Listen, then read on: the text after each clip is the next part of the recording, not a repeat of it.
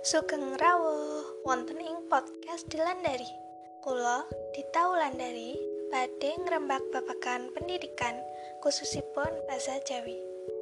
Podcast menika mugi-mugi saged dados pambiyantu panjenengan sedaya. Ing wekdal menika, kula badhe ngandharaken babagan cerita cekak utawi cerkak. Dene wonten basa Indonesia inggih menika cerita pendek.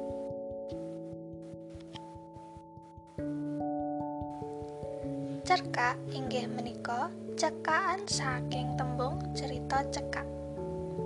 Cerkak menika mujudaken kegambaran cekak ngingingi lelampahan wiwit saking purwa, madya lan wusana.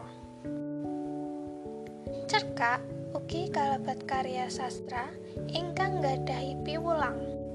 Saengga cerkak saged dipunangge ngasah kalantapanipun ing bab kabudayan mliginipun budaya Jawi. Dene titik anipun cerkak inggih menika cariyosipun cekak. Dados mboten kados novel.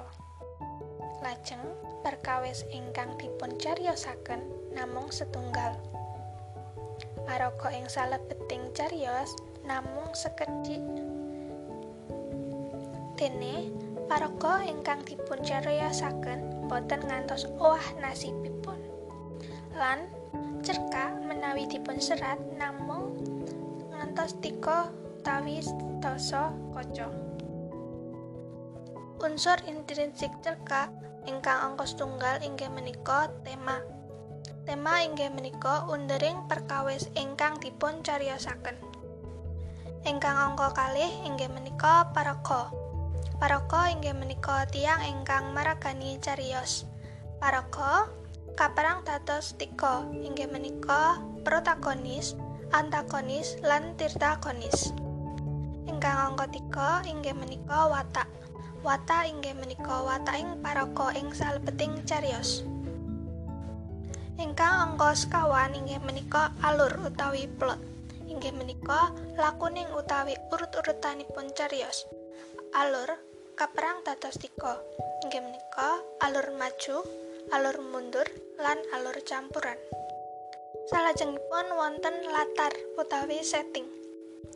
Latar utawi setting inggih menika perangan ingkang mratelaken papan, swasana, lan wekdal ketatosan ing cariyos. Salajengipun wonten sudut pandang inggih menika kalungguhanipun perang pangripta ing salebeting cariyos. Saged dados orang pertama utawi orang ketiga. Salajengipun basa basa ingkang dipun ginakaken pangripta ing salebeting cariyos. Lan ingkang pungkasan inggih menika amanat. Amanat inggih menika pesan utawi pewiling ingkang badhe dipun aturaken dening pangripta marang pamaos utawi pesen ingkang sinandi ing cariyos. Salajengipun wonten unsur ekstrinsik cekak yaiku unsur ingkang bangun cerkak saking sajawanipun cerkak antawisipun agama, ekonomi, sosial, pendidikan, lan budaya.